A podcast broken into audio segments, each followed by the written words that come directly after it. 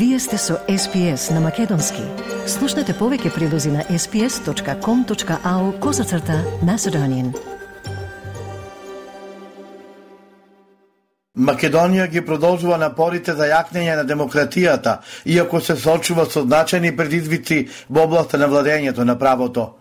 Со ова реченица започнува најновиот извештај за напредокот на Македонија од Европската комисија, презентиран вчера во Брисел од страна на председателката на комисијата Урсула фон дер Лајен и еврокомесарот за проширување Оливер Вархеј. Во извештајот, Македонија најмногу забелешки доби во делот на правосудството, но не помалку забелешки има во делот на собранието, особено за политичката поларизираност, при што се наведува дека тоа ја нарушува неговата работа. Поларизираноста, смета комисијата, се продлабочува и со одлагање на усвојување на многу реформски закони, а комисијата во извештајот бара и конструктивна дебата од страна на политичките партии. Се бара и поголем консензус меѓу главните политички партии за пристапните преговори на земјата. Вархеј упати директна порака до политичките партии во земјава, пренесе Телма. Parliament and government is committed to launch and achieve as a matter of priority the relevant constitutional changes We hope all parties will support it to move forward. This is a sovereign decision of North Macedonia and its sovereign commitment, which will further strengthen fundamental rights. Македонија во најновиот извештај за напредок е умерено подготвена за реформа на јавната администрација со ограничен напредок во носењето на реформската стратегија, а дотни носењето на клучните закони во оваа област, тој во годишниот извештај на Европската комисија за Македонија. На земите Западен Балкан им даваме можност за порана интеграција во ЕУ, пред тие де факто да се приклучат кон неја, нагласи Вархеи во Брисел. Европската комисија предлага нов план за раст на Западен Балкан, заснован на четири столба, кој содржи нов инструмент, однотно 6 милиарди евра неповратна поддршка.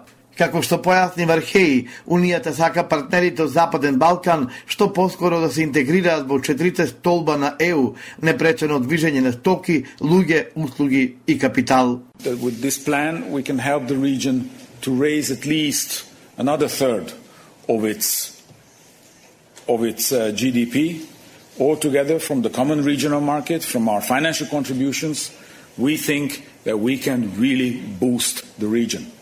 A boost that they need and the boost that we need as well. Европската Унија треба да се стреми кон пет конкретни чекори, доколку сака своите зборови за солидарност кон Западен Балкан да ги усогласи со акции. Ова во очи на објавувањето на извештаите на Европската комисија за напредокот на земите кандидатки за членство на социјалните мрежи, го објави сојузната министерка за ЕУ и Устав на Австрија Каролина Едштадлер. Меѓу петте точки на кои австриската министерка смета дека ЕУ треба да се фокусира е одржувањето меѓу владини конференции со Македонија и Албанија на почетокот на 2024 Поред неа, Унијата треба да постави конкретни целни датуми за пристапување за секој од шесте земји на Западен Балкан по изборот на новиот состав на Европската комисија. Ниту еден од овие чекори нема да ги поштеди овие земји од исполнувањето на сите критериуми за пристапување пред евентуалното членство во ЕУ. Сепак во оваа фаза е време ЕУ да го преземе водството и да обезбеди вистински докази дека продолжуваме да бидеме сериозни во однос на ЕУ перспективата на регионот, пишува австриската министерка. Евроамбасадорот Дейвид Гир му го презентираше во Скопје на председател Тево Пендаровски извештаот на Европската комисија за напредокот на Македонија за 2023 година. Извештаот кој го нотира сработеното од првата фаза за почеток на преговорите со скринингот прикажува и детална слика за состојбите во македонското општество, а дава патока за натамошната работа на институциите, како и областите во кои треба да посветиме внимание, објави председател Пендаровски на Фейсбук. Евроамбасадорот Гир предходно им го врача извештаот на Европската комисија и на председател на Собранието Талат Джафери и на вице-премиерот за европски прашања Бујан Маричич по повод објавувањето на извештајот на Европската комисија за напредокот на Македонија, Маричи Чигир ќе одржат пресконференција во медија центарот на владата. Политичката поларизација и блокирањето на парламентот се главните забелешки во извештај на Европската комисија. Ова е првичната реакција на министерот за надворешни работи Бујар Османи, кој како виновник за тоа ја посочи опозицијата, која како што рече на пресконференција ја блокирала работата на парламентот во донесувањето законски и реформски решенија. Тоа не е само до владата, туку и до тие од опозицијата кои што го блокираат со години парламентот, преку филибастеринг само заради некој ситен партиско-политички дневен интерес и не дозволува да се донесат законски решенија кои што се важни, но се разбира и евентуални слабости кои што може да се детектираат дали е тоа во судството, дали е тоа во другите институции за кои што пак ќе кажам единствен начин е секој од нас да се бориме да ги отвориме поглавијата, бидејќи нема подобра борба против корупцијата освен отварање на поглавје 23 и 24. Извештал на Европската комисија е доказ дека лажни се изјавите на власта на СДС и ДУИ дека се фокусирани на европската агенда, рече на пресконференција портпаролката на ВМРО ДПМН Марија Митева. Извештајот јасно наведува дека корупцијата останува распространата во многу области и е загрижувачко прашање. Најважното од делот за економските критериуми се јавните набавки каде се забележува дека властите треба да воведат поефикасни антикорупцијски мерки во текот на целиот циклус на набавки. Најскандалозниот договор кој економски ќе остави трајни последици врз Македонија е нотиран јасно и прецизно. Дозволете ми повторно да цитирам. Директното доделување на договорот за изградба на коридорот 8 и 10Д предизвикува загриженост, бидејќи го ослободува проектот од примена на Законот за јавни набавки. ДПМН е заедно со Левица се единствените антиевропски партии, кои се најголемите кочничари на европскиот пат на земјата, рече на пред Богданка Кузевска, портпарол на СДСМ.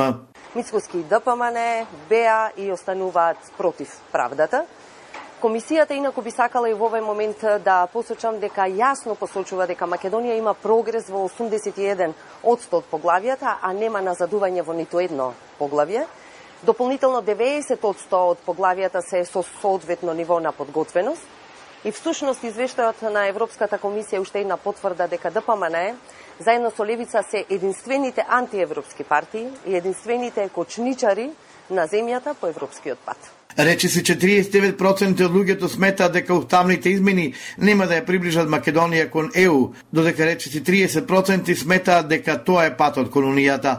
Во однос на тоа дали Македонија треба да го прифати условот за промена на уставот за да продолжат преговорите со ЕУ, 49,2% од испитаниците одговориле не.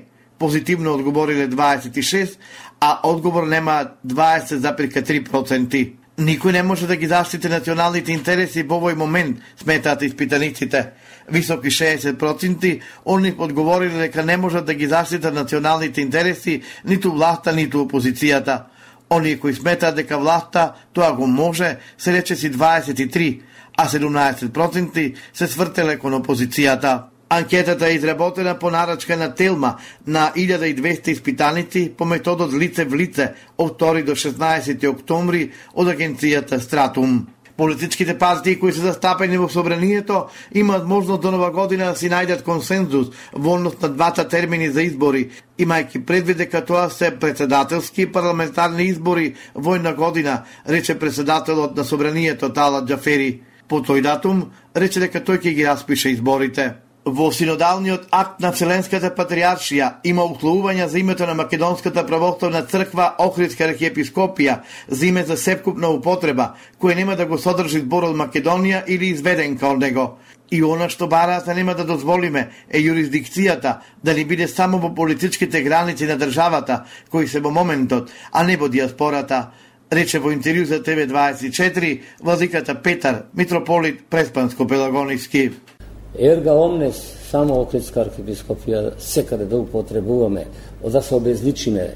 И исто така да не го спомнуваме името во никој контекст, Македонија, Македонско и било како изведенка од него, и да ја дајме диаспората. Отоа тоа ништо не е прифатливо за сиот македонски народ, за свештенството наше, за монаштвото, освен за предавниците. Председател на владата Димитар Ковачевски ќе биде во работна посета на Париз, каде што ќе се обрати на 42-та генерална конференција на УНЕСКО, соопшти владината преслужба. На официјалната посета на УНЕСКО, Ковачевски ќе биде пречекан од Одре Азуле, генерална директорка на Организацијата за образование, наука и култура на Обединетите нации. Во рамките на посетата, премиерот Ковачевски заедно со повеќе шефови на држави и влади, лидери на меѓународни организации, влијателни личности од меѓународниот бизнис, од граѓански организации, од академската зелница, ќе присуствува на отпорањето на шестиот Париски мировен форум. Во рамки на форумот, премиерот Ковачевски придружувано од сопругата Елена Ковачевска ќе присуствува на вечера организирана од францускиот председател Емануел Макрон и сопругата Брижит Макрон. Сакате ли да чуете повеќе прилози како овој? Слушате подкаст преку Apple Podcasts, Google Podcasts, Spotify или од каде и да ги добивате вашите подкасти.